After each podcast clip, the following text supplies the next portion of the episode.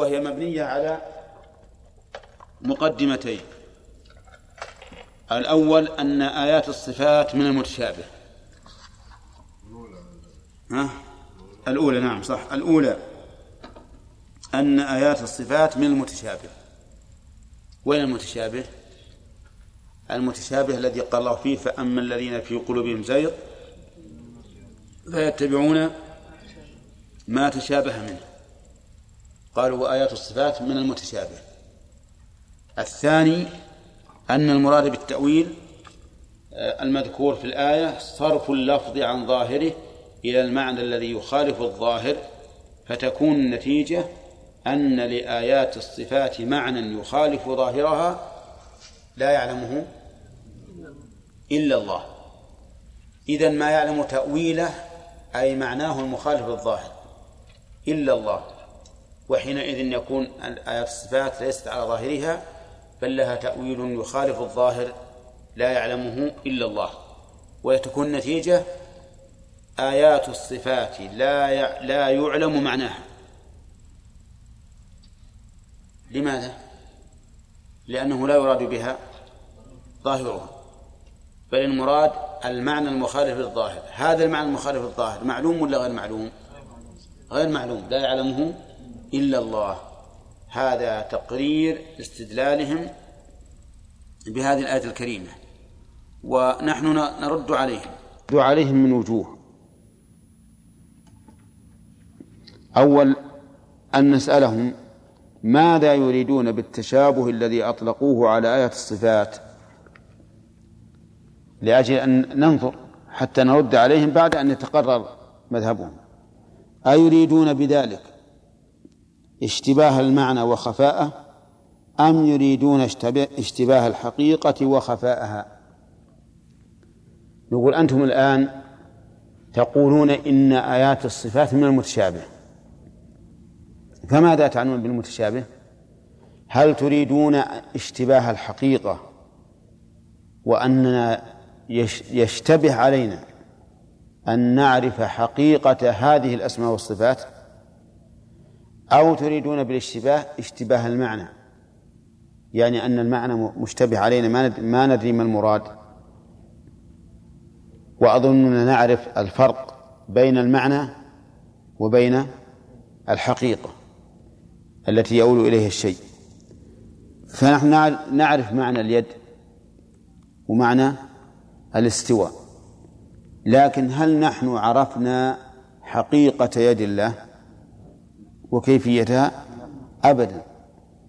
فيجب أن نعرف الفرق بين المعنى وبين الحقيقة. فنسأل هؤلاء ماذا تريدون بالتشابه؟ هل تريدون اشتباه المعنى وخفاءه؟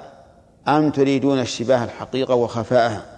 فإن أرادوا المعنى الأول وهو مرادهم هم يريدون المتشابه يعني ما لا يعرف معناه. فليست آيات الصفات منه لأنها ظاهرة المعنى. لقول مالك الاستواء غير مجهول والكيف غير معقول. طيب قولنا إن أرادوا المعنى الأول وهو مراده. كيف نعلق بالأول ثم نثبت في الثاني؟ لأجل التفصيل. فإنهم هم إذا قالوا نحن نريد المعنى الأول وهي أن آيات الصفات وأحاديثها مشتبهة في المعنى. هذا هو مرادهم. فالجواب نعم إيه، وإن أرادوا المعنى الثانية فآيات الصفات منه لأنه لا يعلم حقيقتها وكيفيتها إلا الله تعالى. وبهذا عرف أنه لا يصح إطلاق التشابه على آيات الصفات بل لا بد من التفصيل السابق. ما هو التفصيل السابق؟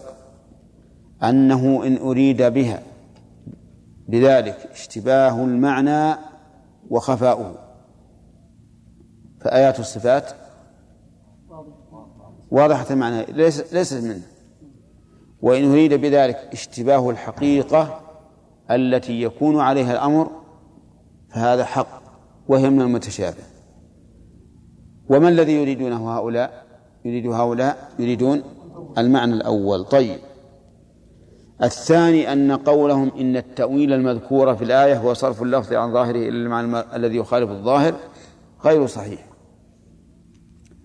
لأنهم يقولون آيات الصفات لها معنى يخالف ظاهرها فلا نجيها على ظاهرها. لماذا؟ لأن الله قال وما يعلم تأويله إلا الله. أي ما يعلم المعنى المخالف للظاهر إلا الله عز وجل. إذن فنحن الآن لا نجريها على ظاهرها لأن لها معنى يخالف الظاهر لا يعلمه إلا الله. فإن هذا المعنى للتأويل اصطلاح حادث لم لم يعرف لم يعرفه العرب والصحابة الذين نزل الذين نزل القرآن بلغتهم وإنما معروف عندهم أن التأويل يراد به معنيان إما التفسير ويكون التأويل على هذا المعنى معلوما لأولي العلم. قال ابن عباس رضي الله عنهما أنا من الراسخين في العلم الذين يعلمون تأويله وعليه يحمل وقف كثير من السلف لا أكثرهم على قوله تعالى على قوله تعالى والراسخون في العلم من الآية السابقة. أظن أنه إذا كان التأويل بمعنى التفسير فهذا معلوم لمن؟ لأهل العلم. لقوله تعالى وما يعلم تأويله إلا الله والراسخون في العلم معطوفة على الله وموصولة به. فالراسخون في العلم يعلمون التأويل بناء على أن المراد بالتأويل المعنى. طيب. و وإما حقيقة الشيء ومآله وعلى هذا يكون تأويل ما أخبر الله به عن اليوم عن نفسه وعن اليوم الآخر غير معلوم لنا لأن ذلك هو الحقيقة والكيفية التي التي هو عليها وهو مجهول لنا. صح. إذا أردنا بالتأويل الحقيقة والمآل الذي عليه الشيء فإن هذا غير معلوم لنا. لأننا لا نستطيع أن نعرف حقيقة ما أخبر الله به عن نفسه. نعم نعرف المعنى أما أن نعرف كيف ذلك وما حقيقته فهذا لا يمكن. وعلى هذا يقول يحمل وقف جمهور السلف على قوله تعالى وما يعلم تأويله إلا الله من الآية السابقة. وبهذا تبين أن للسلف في هذه الآية وقفان أو وقفين. الوقف الأول على إلا الله. فماذا يكون مع التأويل عندهم؟ ها؟ الحقيقة. إذا وقفنا على إلا الله صار المراد بالتأويل الحقيقة التي يؤول إليها الكلام. وأما إذا وصلنا وهو قول لبعض السلف وقلنا وما يعلم تأويله إلا الله والراسخون في العلم صار المراد به التفسير وهو معلوم لأهل العلم. لأن لأن قوله والراسخون في العلم يقولون آمنا به إذا جعلناها معطوف على الله صاروا من الذين يعلمون تأويله وهو التفسير كما قال ابن عباس عن نفسه رضي الله عنه. الوجه الثالث منين؟ من الرد على التفويض. أن الله أنزل القرآن للتدبر. كتاب أنزلناه إليك مبارك ها؟ ليدبروا آياته. وحثنا على تدبره كله ولم يستثني آيات الصفات والحث على تدبره يقتضي أنه يمكن الوصول إلى معناه وإلا لم يكن للحث على تدبره معنى لأن الحث على شيء لا يكون على شيء لا يمكن الوصول إليه لغو من القول. ينزه كلام الله تعالى وكلام رسوله صلى الله عليه وسلم عنه وهذا عن الحث على على تدبره كله من غير استثناء يدل على أن على أن لآيات الصفات معنى يمكن الوصول إليه بالتدبر وأقرب الناس إلى فهم ذلك المعنى هو النبي صلى الله عليه وسلم وأصحابه لأن القرآن نزل بلغتهم ولأنهم أسرع الناس إلى امتثال الحث على التدبر خصوصا فيما هم فيما هو أهم مقاصد الدين. نقول لهؤلاء الذين يقولون إننا لا نعلم معاني آيات الصفات. نرد عليهم فنقول إن الله أمرنا بتدبر القرآن. صح؟ أين هو؟ كتاب نعم. نعم. كتاب أنزلناه إليك مبارك ليدبروا آياته. فاللام هنا للتعليل. وكذلك قالت أفلم يدبروا القول؟ أفلم يدبروا القول؟ وهذا لا شك أنه إنكار عليه حيث لم يتدبروه ولم يعرفوا معناه فإذا كان الله تعالى حثنا على التدبر وأمرنا به فهل هل يمكن الوصول إلى المعنى؟ ها؟ يمكن لولا أنه يمكن الوصول إلى المعنى لكان الأمر بالتدبر لغوا لا فائدة منه طيب هل استثنى الله آيات الصفات وقال لا تدبروها فإنه فإنكم لن تصلوا إلى معناها. الجواب لا. بل آيات الصفات هي أول وأولى ما يدخل في ذلك. لأنه ليس من المعقول أن تعرف معنى الوضوء والركوع والسجود والصيام والزكاة والحج. ثم يقال إن أعظم من ذلك وهو أسماء الله وصفاته لا يمكن أن تتدبرها. أنا لو لم أتدبر معنى السميع ومعنى الاستواء العرش ومعنى الوجه الموصوف بالجلال والإكرام لو لو لم أتدبر ذلك ما ازددت إيمانا. أظن هذا ظاهر طيب. يقول وقال وقد قال أبو عبد الرحمن السلمي حدثنا الذين كانوا يقرؤوننا القرآن. عثمان بن عفان وعبد الله بن مسعود وغيرهما أنهم كانوا لا يتجاوزون أنهم كانوا إذا تعلموا من النبي صلى الله عليه وسلم عشر آيات لا يتجاوزونها حتى يتعلموها وما فيها من العلم والعمل. قالوا هذا الصواب. عندكم قال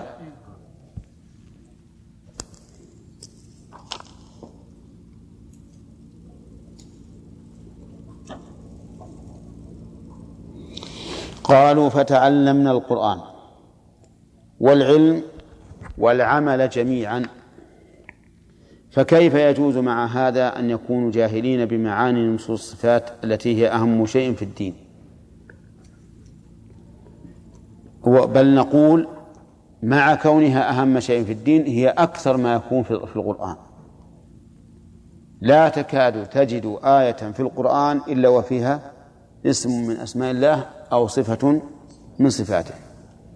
فإذا كان الصحابة رضي الله عنهم إذا قرأوا على النبي صلى الله عليه وسلم لا يتجاوزون عشر آيات حتى يتعلموا وهو ما فيها من العلم والعمل. إذا كانوا كذلك فإنه يشمل آيات الصفات بلا شك. ومن ادعى أنهم لا يعلمون معاني آيات الصفات فليأتي بالدليل. بالدليل الذي يمنع هذا العموم. الرابع أن قولهم يستلزم أن يكون الله تعالى قد أنزل في كتابه المبين ألفاظا جوفاء لا يبين بها الحق وإنما هي وإنما هي بمنزلة الحروف الهجائية والأبجدية وهذا ينافي حكمة الله التي أنزل الله الكتاب وأرسل الرسول من أجلها. صح. على رأيهم يستلزم أن هذه الحروف والكلمات والجمل المتعلقة بأسماء الله وصفاته ألفاظ ها جوفة. ما لها معنى. لأنهم يعني يقول ما لها معنى. يعني أننا لا نصل إليه. فهي بمنزلة الحروف الهجائية. ألف باء إلى آخره. والأبجدية هي نفس الحروف الهجائية لكنها رتبت على ترتيب آخر. الأبجدية أبجد هوز حطي كلما سعفص قرشت ثاخذ ضاضغ. نعم. هذه هي لا قرشت. قرشت. إيه. أبجد هوز حطي كلما صعفص. قرشت. ها؟ تأخذ ضضغ إيه هذه يعني يركبون كلمات لو ما له معنى علشان بس ضبط الحروف. إلا أن هذه الحروف لا تخرج عن الحروف الهجائية. على كل حال هم يرون أن أسماء أن نصوص الصفات من القرآن والسنة بمنزلة الحروف الهجائية التي لا يعلم لها معنى. وهذا من أكبر القطع والطعن في في الله عز وجل وفي كتابه وفي رسوله حيث يتكلمون بكلمات ليس لها معنى. فأنتم الآن تبين لكم أن مذهب التجهيل باطل من من وجوه أربعة من وجوه أربعة. وعلم مما تنبيه علم مما سبق أن معاني التأويل ثلاثة أحدها التفسير وهو إيضاح المعنى وبيانه. وهذا اصطلاح جمهور المفسرين ومنه قوله صلى الله عليه وسلم لابن عباس اللهم فقهه في الدين وعلمه التأويل وهذا معلوم عند العلماء في آيات الصفات وغيرها. من الذي أنكره في آيات الصفات؟ أهل التجهيل. قالوا إن هذا غير معلوم. فهم يقولون نحن نعلم معنى معنى الركوع والسجود والقيام والقعود والصيام والحج نعلم معناها.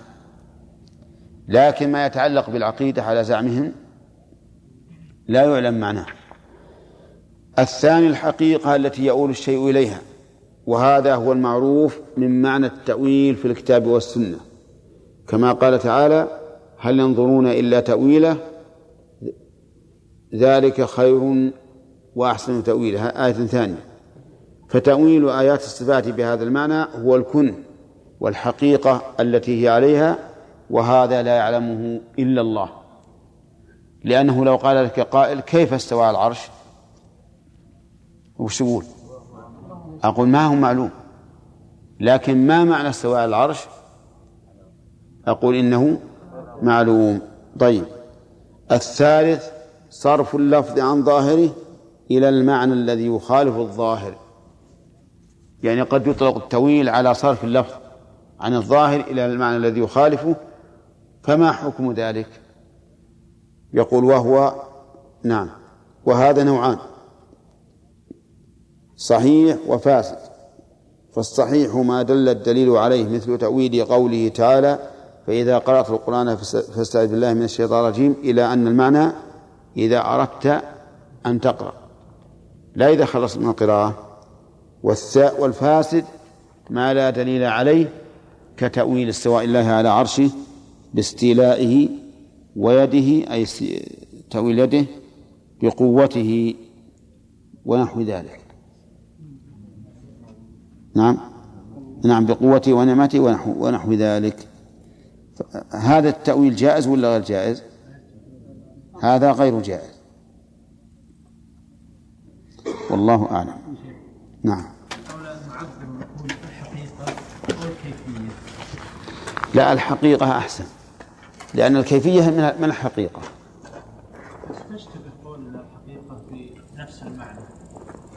لا سلامة. لأن المعنى شيء والحقيقة شيء آخر. وإنما قلنا الحقيقة لأجل يشمل ما أخبر الله به عن اليوم الآخر من ثواب الجنة ونعيمها وما فيها من من النعيم. فإن هذا النعيم ما نعلم حقيقته ولا كنها.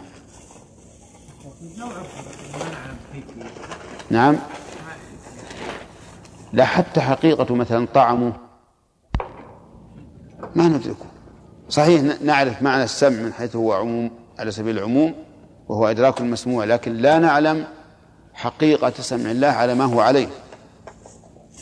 والحقيقة في الحقيقة الحقيقة منها الكيفية. الكيفية جزء من الحقيقة. نعم. نعم. ها؟ تعريف من الأسماء والصفات لماذا ما ما ما, نزيد نضيف إليه؟ نقول من غير تفويض. لا لأن إحنا إذا قلنا آه الإيمان بها من غير تحريف ولا تعطيل. التفويض تعطيل. التفويض بلا شك نوع من التعطيل. ولا نقول ذلك لأن التفويض إن أردت به تفويض المعنى فخطأ. إن أردت تفويض الحقيقة والكيفية فهذا صواب. ولهذا السلف أو العلماء لم يقولوا من غير تفويض لأنه في احتمال. روي عن ابن عباس رضي الله عنهما أنه قال تفسير القرآن على أربعة أوجه. نعم. كيف؟ كملنا عليه. كملنا.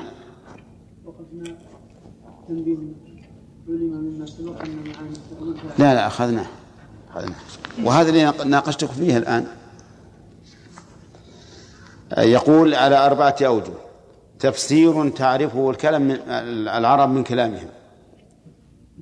يعني تفسير يرجع فيه إلى اللغة العربية.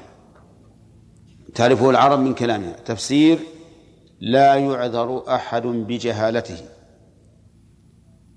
يعني أنه يحتاج إلى معرفة يحتاج إلى معرفة ولا بد أن يعرف. تفسير يعلمه العلماء.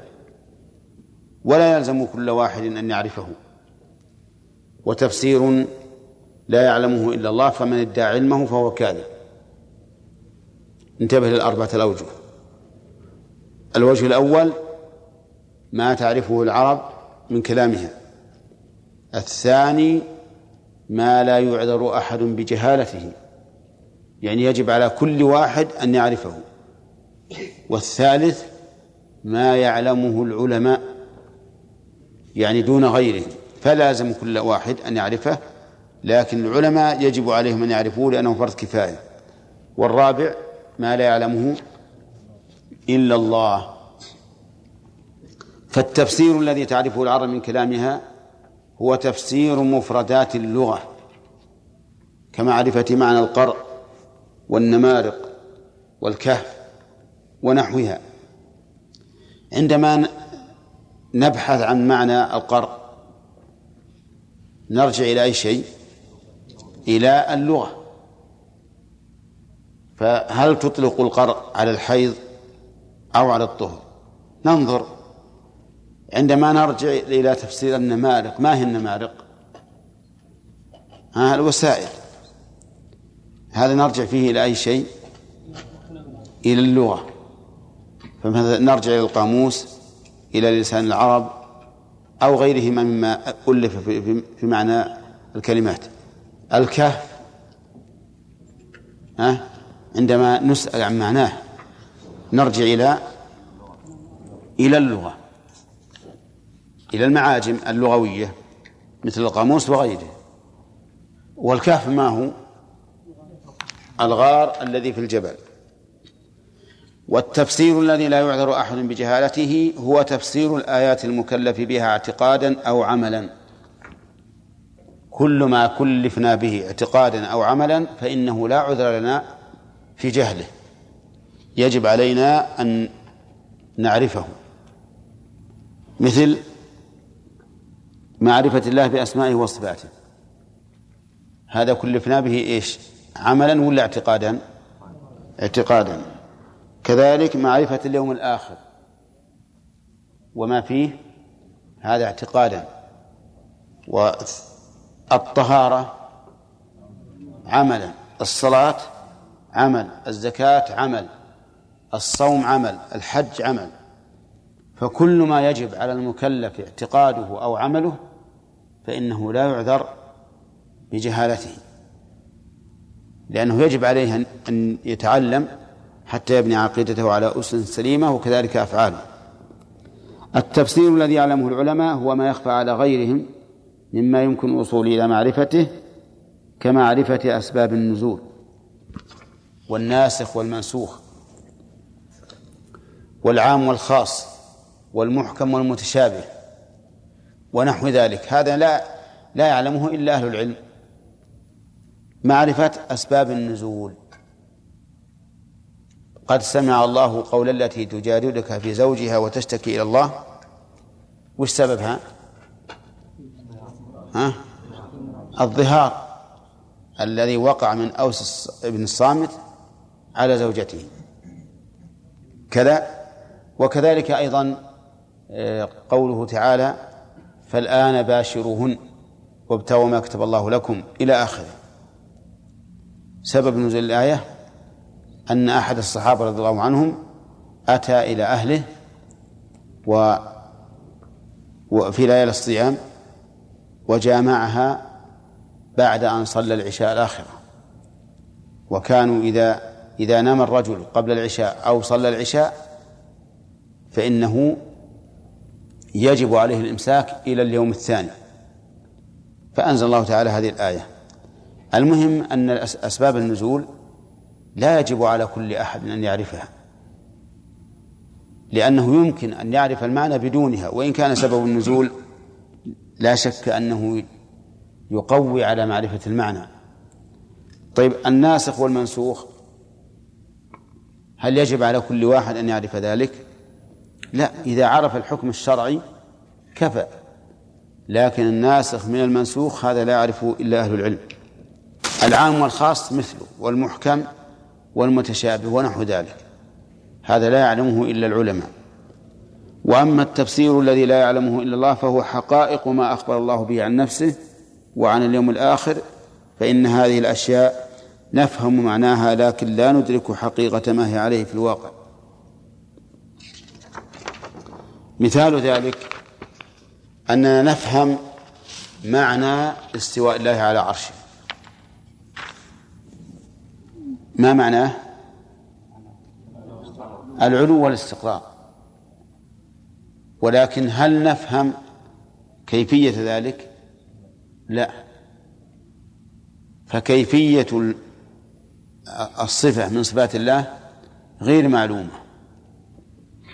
لو أن أحدا ادعى أنه يعلم كيفية استواء الله على العرش لقلنا هو كاذب ولا يمكن.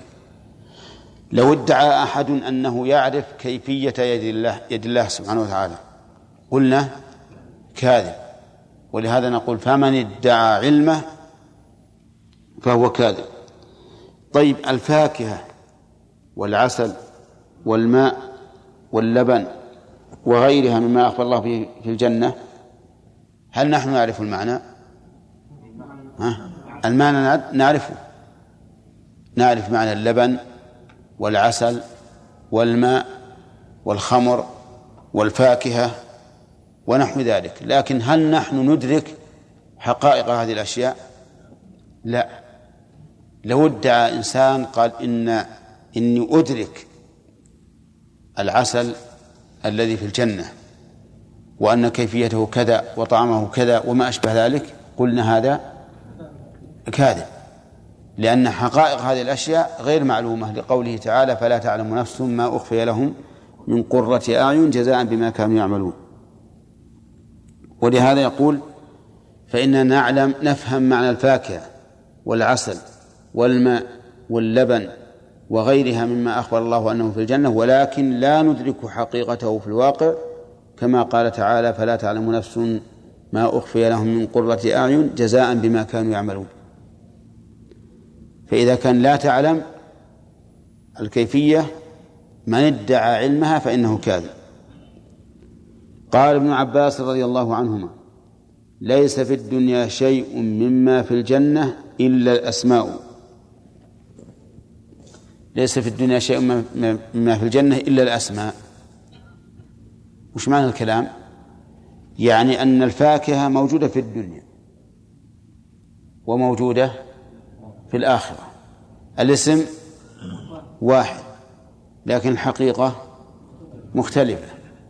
النخل والرمان موجود في الدنيا وموجود في الآخرة لكن يتفقان في الاسم فقط.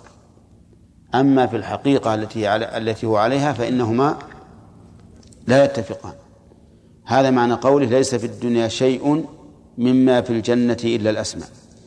وبهذا تبين أن في القرآن ما لا يعلم تأويله إلا الله كحقائق أسمائه وصفاته وما أخبر الله به عن اليوم الآخر وأما معاني هذه الأشياء فإنها معلومة لنا وإلا لما كان للخطاب بها فائدة. أتينا بهذا الكلام عن ابن عباس رضي الله عنهما ليتبين أن أهل السنة والجماعة يعتقدون أن أسماء الله وصفاته معلومة لنا من وجه مجهولة لنا من وجه. فمن جهة المعنى معلومة ومن جهة الحقائق والكيفية مجهولة. وكذلك نقول في أمور الغيب الأخرى مثل ما أخبر الله به عن الجنة من النعيم أو عن النار من الجحيم. المعنى معلوم لنا لكن الحقيقة مجهولة. وهذا يمكن أن يكون. بمعنى يمكن أن يكون الشيء معلوما من وجه ومجهولا من وجه آخر. ثم قال المؤلف الباب الرابع والعشرون في انقسام أهل القبلة في آيات الصفات وأحاديثها. أول نسأل من هم أهل القبلة؟ استمع إلى المعنى. قال المراد بأهل القبلة من يصلي إلى القبلة وهم كل من ينتسب إلى الإسلام. هذا معنى أهل القبلة عند عند أهل السنة. إذا قالوا أهل القبلة فهم كل من يصلي إلى القبلة. ولا يصلي إلى القبلة إلا من ينتسب إلى الإسلام. الجهمية من أهل القبلة. ها؟ إيه نعم. يصلون إلى القبلة والمعتزلة والأشاعرة ونحوهم. هؤلاء كلهم من أهل القبلة لأنهم يصلون إليها وينتسبون إلى الإسلام. أما هل هم مسلمون أو أو غير مسلمين هذا شيء آخر. المهم هؤلاء يقولون إنهم مسلمون ويصلون إلى القبلة. انقسم أهل القبلة في آيات ونحوهم. هؤلاء كلهم من أهل القبلة لأنهم يصلون إليها وينتسبون إلى الإسلام. أما هل هم مسلمون أو أو غير مسلمين هذا شيء آخر. المهم هؤلاء يقولون إنهم مسلمون ويصلون إلى القبلة. انقسم أهل القبلة في آيات الصفات وأحاديثها إلى ست طوائف. طائفتان قالوا تجرى على ظاهرها. وطائفتان قالوا تجرى على خلاف ظاهرها. وطائفتان واقفتان. فالأقسام إذن ستة. فالطائفتان الذين قالوا تجرى على ظاهرها هم أولا طائفة المشبهة الذين جعلوها من جنس صفات المخلوقين ومذهبهم باطل أنكره عليهم السلف. هؤلاء قالوا تجرى على ظاهرها لكن جعلوا ظاهرها من جنس صفات المخلوقين. قالوا نؤمن بأن الله يجيء وأن له رحمة وأن له وجها وأن له يدا لكن كل هذا مشابه نعم لما للمخلوقين من ذلك. فيد الله تعالى كيد الإنسان ووجهه هكذا. طيب وهم ونحن إذا سمينا هذا ظاهرا فإنما نسميه من باب التنزل وإلا فليس ظاهر كلام الله ورسوله في صفاته ليس ظاهر التشبيه لكن تنزلا معهم. ثانيا طائفة السلف الذين أجروها على ظاهرها اللائق بالله تعالى. فمثلا يقول جاء ربك على ظاهره هو جاء لكنه جاء مجيئا يليق بجلاله. يضحك الله إلى رجلين؟ يقول نعم هو يضحك. لكنه ضاحك يليق بجلاله. فالفرق إذن بينه وبين المشبهة أن المشبهة يجعلونها دالة على التشبيه فيقول يجي على كيفية كذا وكذا. يضحك يضحك على كيفية كذا وكذا. وليس وليس ينزهون الله تعالى عن المماثلة فلذلك كانوا ضالين في هذه في هذه الناحية. قال والفرق بين هاتين الطائفتين أن الأولى تقول بالتشبيه والثانية ها تنكره. وإلا فكل منهم يجيها على الظاهر. فإن قال المشبه فإن قال المشبه في علم الله ونزوله ويده مثلا أنا لا أعقل من العلم والنزول واليد إلا مثل ما يكون للمخلوق من ذلك. ها؟ المخلوق لا بالإفراد عندي. لكن ما يضم. ما المشبه الآن يقول أنا لا أعقل من اليد إلا مثل أيدي المخلوقين. لا أعقل من الاستواء إلا مثل استواء المخلوقين. لأن هذا هو المعروف في اللغة العربية. فالجواب من وجوه. الأول أن العقل والسمع قد دل كل منهما على مباينة الخالق للمخلوق في جميع صفاته. فصفات الخالق تليق به وصفات المخلوق تليق به. فإذا دل السمع والعقل على مباينة الخالق للمخلوق فإن الصفات التي تثبت للخالق يجب أن تكون مباينة للصفات التي تكون للمخلوق لأن صفة كل شيء تناسبه. فمن أدلة السمع على مباينة الخالق للمخلوق قوله تعالى ليس كمثله شيء. وهذا واضح أن أن المماثلة منتفية في حق الله. والكاف في قوله ليس كمثله اختلف فيها العلماء لأننا لو أخذنا بظاهر ليس كمثله لكان ظاهره أن الله أثبت لنفسه مثيلا وليس لهذا المثيل مثيل والأمر ليس كذلك فإن الله تعالى ليس له مثيل إطلاقا. قالوا فالكاف هنا زائدة والتقدير ليس مثله شيء. وقيل إن الزائد مثل والتقدير ليس كهو شيء. وقيل إنه إنه ليس هناك زيادة لا في الكاف ولا في مثل. ولكنه نفى مماثلة المثل من باب المبالغة. وإذا انتفى مثل المثل انتفى الأصل. لأنه لو كان الأصل موجودا لكان للمثل مثل. وقيل إن مثل هنا بمعنى صفة. يعني ليس كصفته شيء. ولكن الأقرب والله أعلم أن المثل على ما هو عليه. وأن الكاف زيدت للمبالغة. يعني كأنه نفى المثل مرتين. مرة بصيغة الكاف ومرة بصيغة مثل. وهذا هو الأقرب. الحاصل أن في هذا رد على المشبه ولا لا؟ لأنه يقول ليس كمثله شيء.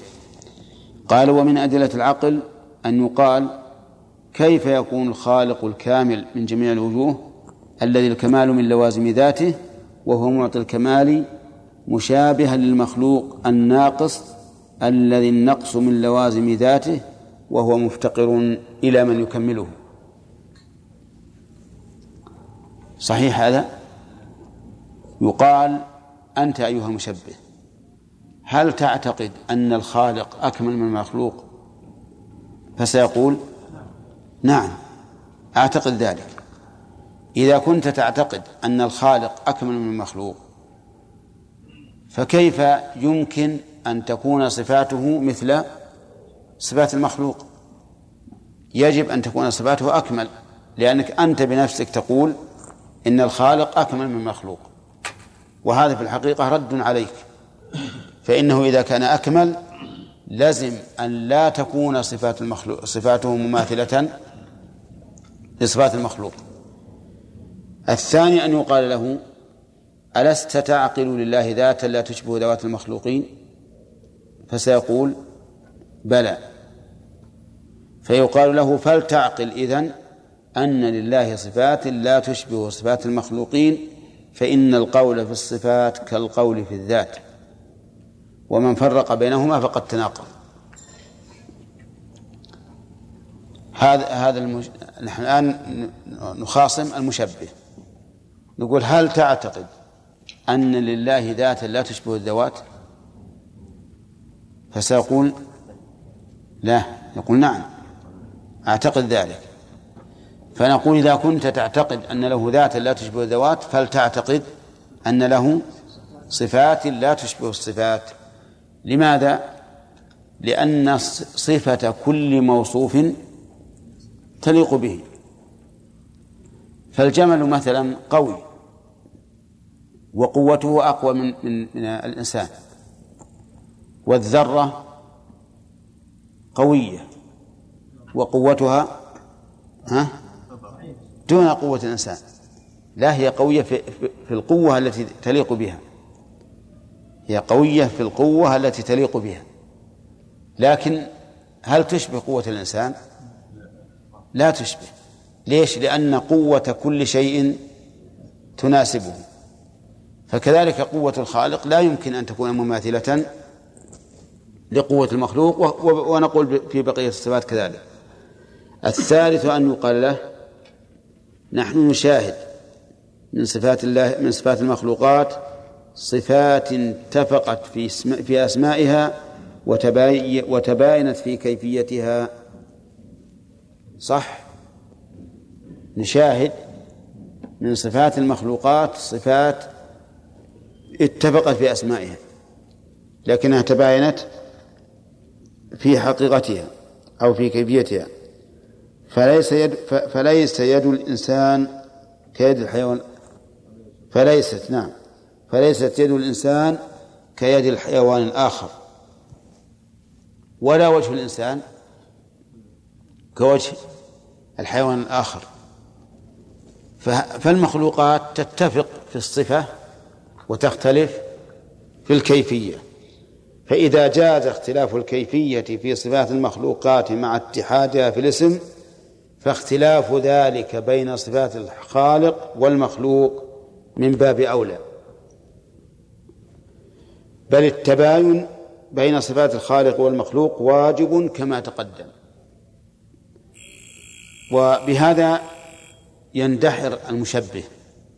فقد أجبنا عنه وردنا عليه بثلاثة أوجه ويكون إن شاء الله النقاش فيها وفيما سبق غدا. ننتقل الآن إلى الطائفتين الذين قالوا تجرى على خلاف ظاهرها وأنكروا أن يكون أن يكون لله صفات أن يكون لله صفات ثبوتية.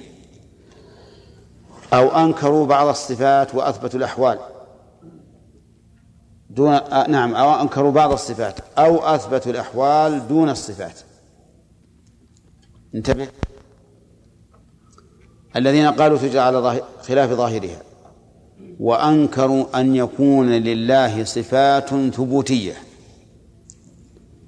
قالوا ما يمكن أن يكون لله صفات ثبوتية بل صفاته كلها سلبية. قالوا ما نقول إن, إن لله سمعا لكن نقول إنه ليس بأصم. ما نقول لله علم لكن نقول ها؟ ليس بجاهل. ما نقول لله قدرة ولكن نقول ليس بعاجز. طيب ليش؟ قالوا لأننا لو أثبتنا الصفات الثبوتية شبهناه بالموجودات. شبهناه بالموجودات. وهذا تمثيل والتمثيل حرام. نقول لهم والصفات السلبية النفي عدم فإذا نفيتم شبهتموه بماذا؟ بالمعدومات. ولهذا لجأ بعضهم إلى إلى الالتزام بهذا وقال ننفي عنه الإثبات والنفي. ننفي الإثبات والنفي. فلا نقول سميع ولا ليس بسميع. ما نقول لا هذا ولا هذا. ولا موجود ولا ليس بموجود. وطبعا هذا خلاف العقل ومتناقض. المهم أن منهم من يقول إننا من, من ينكر الصفات الثبوتية. ولهذا إذا إذا أرادوا أن يصف الله بأعظم الصفات عندهم قالوا إن الله ليس بميت ولا جاهل ولا عاجز ولا ضعيف ولا أصم ولا أعمى ومن هذا ومن هذا فقس. فيأتون بالصفات السلبية. ومعلوم أن الصفات الثبوتية أكمل. ولهذا لو جئت إلى إلى ملك قلت ما شاء الله تبارك الله أنت لست بزبال. زبال ولا كساح ولا جزار ولا بناء. نعم ولا ميكانيكي. وهات ولا كناس إلى آخره. وش يقول لك هذا؟ يعطيك جائزة ولا لا؟ نعم يعطيه جائزة لكن السجن صف على الوجه. لكن لو تأتي له تقول ما شاء الله أنت ملك قوي قدير ذكي عاقل وما أشبه ذلك. ها؟ تحظى بجائزته ولا لا؟ لأن هذه الأخيرة صفات ثبوتية والأولى صفات سلبية صفة نفي. العجيب أن هؤلاء يرون أن كمال الله أن يوصف بالصفات السلبية والعياذ بالله. طيب هذا هذا قول أنكروا بعض الصفات مثل مثل من؟ الطوائف مثل الأشاعرة أنكروا بعض الصفات وأثبتوا بعضا أنكروا الأحوال أثبتوا الأحوال دون الصفات. المعتزلة وكذلك الأشاعرة أيضا. وش معنى الأحوال؟ قالوا مثل إن الله سميع. ليس المعنى أن له سمعا لكن هو ذو سمع. هو ذو سمع. يعني حاله أن يكون سميعا. لكن تبي تثبت؟ نعم أنه له سمع لا. فقل فأقول هو ذو سمع وليس المعنى أنه متصف بسمع. فيقول الله عليم وكونه عليما هذه الحال. أما أن له علما فلا. ولا شك هذا تناقض. لأن ما من إنسان نقول كونه عالما إلا وهو متصف بالعلم. هؤلاء يقولون آه، هم طائفتان. أهل التأويل من الجهمية وغيرهم الذين أولوا نصوص الصفات إلى معان عينوها كتأويلهم اليد بالنعمة والاستواء بالاستيلاء ونحو ذلك هل هؤلاء أجروها على ظاهرها؟ ها؟ قالوا المراد باليد القوة أو النعمة وبالاستواء الاستيلاء أجروها على ظاهرها أو لا أجروها على خلاف ظاهرها لكن جعلوا لها معنى. معنى مؤولا. الثانية أهل التجهيل المفوضة الذين قالوا لا نجريها على ظاهرها ولكن نقول الله أعلم بما أراد. تقول تعال استوى على العرش. تجريها على ظاهرها؟ يقول لا ما أجريها. طيب وش معناها؟ قال الله أعلم. أهل التأويل خير منهم ولا لا؟ أهل التأويل خير منهم لأنهم أثبتوا لها معنى. وإن كانوا أشد منهم عدوانا لأنهم تجرؤوا وأثبتوا ما لا علم لهم به لكن هم من حيث النظر أحسن من هؤلاء. تجي للمفوض تقول ويبقى وجه ربك وش مرض بوجه وجه ربك؟ قال لا يراد به ظاهره لا يراد به ظاهر. إذا وش المراد؟ قال الله أعلم. أنا أفوض فأقول الله أعلم. وأنت إذا تأملت وجدت أن قوله متناقض. ما دمت تقول الله أعلم. أليس من الممكن أن الله أراد الظاهر؟ نقول بلى. فإذا كان ممكن أن يكون الله أراد الظاهر ليش تقول ليش تزم بالنفي وتقول لا يراد الظاهر؟ إي نعم. استمع إلى مذهبهم. يقولون الله أعلم بما أراد بنص الصفات لكننا نعلم أنه لم يرد إثبات صفة خارجية له تعالى. يعني مثلا جاء ربك. تسألهم وش معنى جاء ربك؟ قالوا الله أعلم بما أراد. لكننا نعلم أنه لم يرد المجيء الحقيقي. ها؟ تناقض ولا لا؟ طيب إذا كنت تقول الله أعلم ليش تقول نعلم أنه لم يرد؟ أليس من الجائز أن يكون أراد المعنى الحقيقي الظاهر؟ بلى. ومع ذلك يقول لا. ما أراد أنه يجيء ما أراد أنه استوى ما أراد أن له سمعا وبصرا وما أشبه ذلك نعلم هذا. ثم نقول الله أعلم بما أراد. كل يعلم أن هذا تناقض ولهذا قلنا وهذا القول متناقض فإن قولهم نعلم أنه لم يرد إثبات صفة خارجية له يناقض التفويض لأن حقيقة التفويض أن لا يحكم المفوض بنفي ولا إثبات وهذا ظاهر. إذن كلتا الطائفتين ضالتان ولا لا؟ لأنهما قالا على الله بلا علم ولأنهما نفيا ما هو ظاهر من كلام الله وكلام رسوله. والظاهر مذكور رد عليه. لا ما ذكر. والفرق بين هاتين الطائفتين أن الأولى أثبتوا لنصوص الصفات معنى لكنه خلاف ظاهرها وأما الثانية فيفوضون ذلك إلى الله من غير إثبات معنى مع قولهم إنه لا يراد بتلك من تلك النصوص إثبات صفة لله عز وجل. هذا الفرق بين الطائفتين. ولا شك أن الطائفة التي تثبت لها معنى خير في العقل والنظر من من لا تثبت. ولا شك أن التي تثبت معنى يخالف الظاهر أشد جرأة من الذين توقفوا. أشد.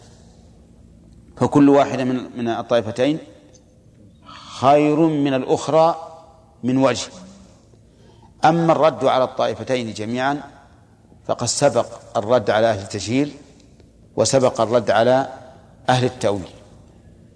سبق في نفس الكتاب هذا فليرجع إلى ذلك. والرد الإجمالي على الطائفتين أن نقول لا يمكن أن الله تعالى يتكلم بكلام لا يريد من من العباد إثبات معناه على ظاهره أبدا بل لا يتكلم سبحانه بكلام إلا وهو يريد أن يأخذ الناس بظاهره. نعم. وأما الطائفتان الذين توقفوا فهم. أولا طائفة جوزوا أن يكون المراد بنصوص الصفات إثبات صفة تليق بالله وألا يكون المراد ذلك. والطائفة الثانية أعرضوا بقلوبهم وألسنتهم عن هذا كله ولم يزيدوا على قراءة القرآن والحديث. هاتان الطائفتان واقفتان. كيف توقفهما؟ كيف ما الفرق بينهما؟ الفرق أن الطائفة الأولى تقول إنه يمكن أو يجوز أن يكون المراد إثبات صفة ويجوز أن لا يكون المراد إثبات صفة. فهم يحكمون بتجويز الأمرين. أما الثانية فيقولون لا نتعرض للمعنى إطلاقا. نقرأ القرآن والحديث ونمسك بقلوبنا وألسنتنا عن التعرض لما يدل عليه القرآن والسنة. انتبه يا أخ الفرق بينهما ظاهر الآن؟ الطائفة الأولى تقول إننا متوقفون لأننا نرى أنه يجوز أن يكون المراد إثبات الصفات ويجوز أن يكون المراد عدم ذلك. الله أعلم. الثانية تقول أعرض عن هذا كله. لا تتكلم. لا تقول يجوز ولا ما يجوز. ولا ولا تثبت ولا تنفي. ف ويقول والفرق بين هاتين الطائفتين بين هذه الطائفة والتي قبلها أن الأولى تحكم بتجويز الأمرين الإثبات وعدمه وأما الثانية فلا تحكم بشيء أبدا. تجد يقرأ القرآن تقول تعالوا إيش معنى استوى الله الرحمن العرش استوى يقول ها؟ ما يتكلم. يقول أعرض عن هذا لا, لا تتكلم بشيء. الطائفة الأولى تقول هل أراد الله استوى على العرش أي على واستقر أو أراد استولى عليه؟ يقول يجوز هذا وهذا. أو لم يرد شيئا يقول نعم يجوز. يمكن هذا وهذا. ف وهذا لا شك أنه حكم. هذا حكم على الشيء بأنه يجوز أن يكون المراد به كذا أو كذا أو كذا أو كذا إلى آخره. أما الثانية فإذا سألته تعالوا إيش معنى استوى الله على العرش قال أنا معرض عن هذا. لا أحكم بشيء أبدا ولا أتكلم بشيء في هذا الباب إطلاقا. وكلا وكلا الطائفتين أو كلتا الطائفتين ضالتان. لأنه لأننا كوننا نجوز هذا وهذا وهذا في أشياء لا تليق بالله هذا حرام. فما لا يليق بالله لا يمكن أن يجوز. والثانية كون نعرض عن هذا كله مخالف لقوله تعالى كتاب أنزلناه إليك مبارك ها ليدبروا آياته وليتذكر أولو الألباب. ووقوع فيما أنكر الله حيث قال عز وجل أفلم يدبروا القول؟ وهذا الاستفهام من الإنكار. فالله أمرنا بالتدبر لنثبت المعنى الذي دل عليه اللفظ. وبهذا عرفنا أن خير الأقسام وأوجب الأقسام بالاتباع هم الذين قالوا تجرى على ظاهرها إيش؟ اللائق بالله سبحانه وتعالى. فعندما تقرأ الرحمن على العرش استوى تثبت أنه على على العرش. لكن لا يجوز أن يدور في ذهنك أنه كاستوائنا على على السرير. لا يجوز هذا إطلاقا. ليش؟ لت... لتباين ما بين الخالق والمخلوق. كذلك عندما تقرأ بل يداه مبسوطتان. لا يمكن أبدا أن تتصور أن هاتين اليدين كأيدينا أبدا. ولا يحل لك أن أن أن تقرن هذا بهذا لأن الله ليس كمثله شيء. حتى لو قال لك الذهن إن يدي الله عز وجل كيد كيد الإنسان يجب أن أن تطرد هذا عن ذهنك وأن لا وأن لا تفكر فيه. إذ من الجائز أن تكون يد الله عز وجل ليست كيد الإنسان. تكون كيد شيء آخر غير الإنسان. أليس كذلك؟ طيب إذا كان الأمر هكذا فالواجب أن نتوقف عن تقدير التمثيل وتخيله. فنقول الله تعالى يد حقيقية يأخذ بها ويقبض نعم ولكنها لا تشبه أيدي المخلوقين.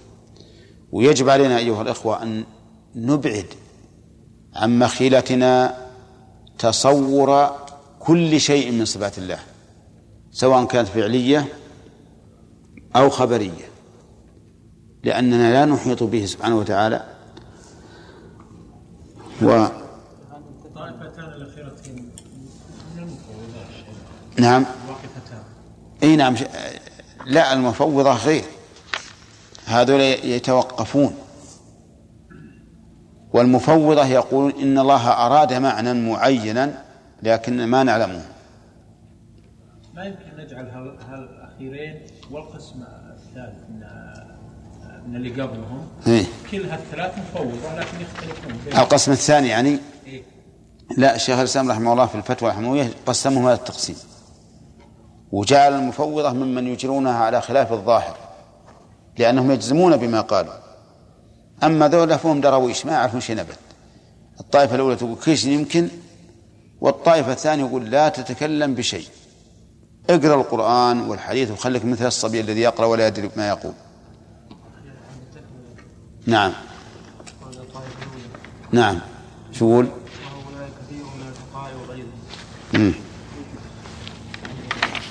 الطائفة الأولى الذين يجوز أن يكون مراد بنصوص الصفات نفس كتاب الله وأن لا يكون المراد ذلك وهؤلاء كثير من الفقهاء وغيرهم هي عندنا هذه. موجودة. ها؟ بس أنا ما قرأت. نعم. ثم قال المؤلف الباب الخامس والعشرون في ألقاب السوء التي وضعها المبتدعة على أهل السنة. اللقب عند العلماء كل ما أشعر. ها؟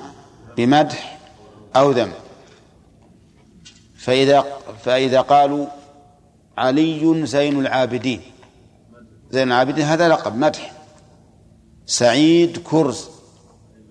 هذا ذم. أهل السنة والجماعة والحمد لله كل ألقابهم ألقاب ألقاب مدح. لو لم يكن من ذلك إنه إلا أنهم يسمون أهل السنة. وش بعد؟ والجماعة. فلا بدعة عندهم ولا تفرق. بل كل أمرهم مبني على سنة الرسول عليه الصلاة والسلام وعلى الاجتماع عليها. فهم الذين أخذوا بأكبر نصيب من قول النبي صلى الله عليه وسلم عليكم بالجماعة فإن يد الله على الجماعة. يقول المؤلف من حكمة الله تعالى أن جعل لكل نبي عدوا من المجرمين يصدون عن الحق بما استطاعوا من قول وفعل بأنواع المكائد والشبهات والدعاوى الباطلة ليتبين بذلك الحق ويتضح ويعلو على الباطل كيف هذا؟ يعني ما ما وجهه؟ جعل الله تعالى لكل نبي عدوا من المجرمين يلقبونه بألقاب السوء ويعيبون دينه وشرعه ويقولون فيه كذا وكذا وكذا لماذا؟ لأجل أن يتبين الحق. لأن الحق لو لم يجد مصادما ما تبين. أخذه الناس هكذا ساذجا ولا يدرون هل هو حق أو غير حق. فإذا عورض تبينت محاسنه. مثلا دين الجاهلية مبني على الشرك بالله. فجاء الإسلام يدعو إلى التوحيد. وجد أناس يقاومون هذه الدعوة وينكرون التوحيد. فإذا وجد هؤلاء المقاومين المقاومون تبين أن التوحيد خير من الشرك. لأن مقاومة هؤلاء إذا عرضت على العاقل تبين إيش؟ فسادها. كذلك من أجل أن يعلو الحق على الباطل. لأنه إذا كان هناك خصمان وتبين الحق مع أحدهما صار العلو لمن؟ لمن كان معه الحق. فيعلو على الباطل. كذلك أيضا في فائدة أخرى وهي امتحان المعتنقين للشريعة. هل يصبرون على هذه الألقاب والأذية؟ ويبقون على ما هم عليه من الحق أو يرجعون وينكصون على أعقابهم. كما وجد لبعض الناس الذين ذموا وعيبوا بعد إسلامهم رجعوا عن الإسلام والعياذ بالله. وهذا أبو طالب يقول لولا الملامة أو حذار مسبة لوجدتني سمحا بذاك مبينا. فهذا أيضا من الحكمة في أن الله تعالى جعل للأنبياء وأتباعهم أعداء